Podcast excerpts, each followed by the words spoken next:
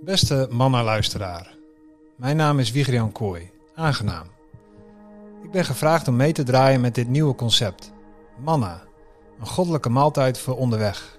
Een paar minuten voedzame inspiratie dat het midden houdt tussen een gedicht, een column of een overdenking.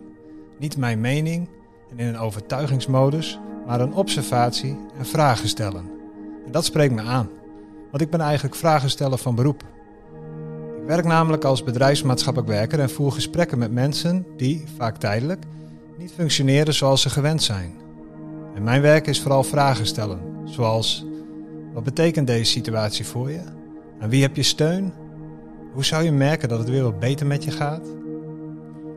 Nu stel ik me in deze manna voor dat ook de kerk niet helemaal functioneert zoals ze wil en daarvoor hulp zoekt.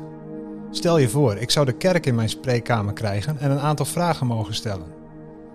De kerk vertelt dat haar leden steeds vaker wegblijven. Ze laat me een artikel zien van de NOS over de leegloop van kerken in Nederland. Mensen hebben het te druk voor God, staat erboven. Ik geef erkenning en vraag de kerk: wat betekent het voor jou dat mensen wegblijven?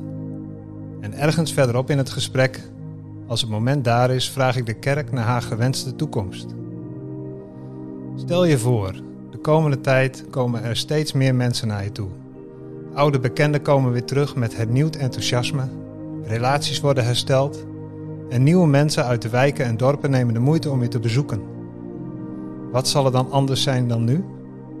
En hopelijk komt de kerk dan met allemaal goede ideeën voor haar organisatie. Vast wel. En we kunnen haar helpen, want de kerk is natuurlijk de optelsom van alle individuele gelovigen. We hebben allemaal een rol en een plek. Wil jij dat je geloof en betrokkenheid weer opleeft? Jezus biedt een voedzame hap mannen aan.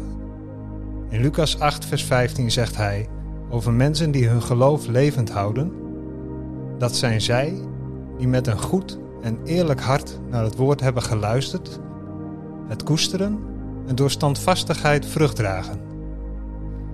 Hij zegt niet: Doe van alles. Hij zegt ook niet dat het goed moet voelen. Dit kan nog wel eens knap lastig worden.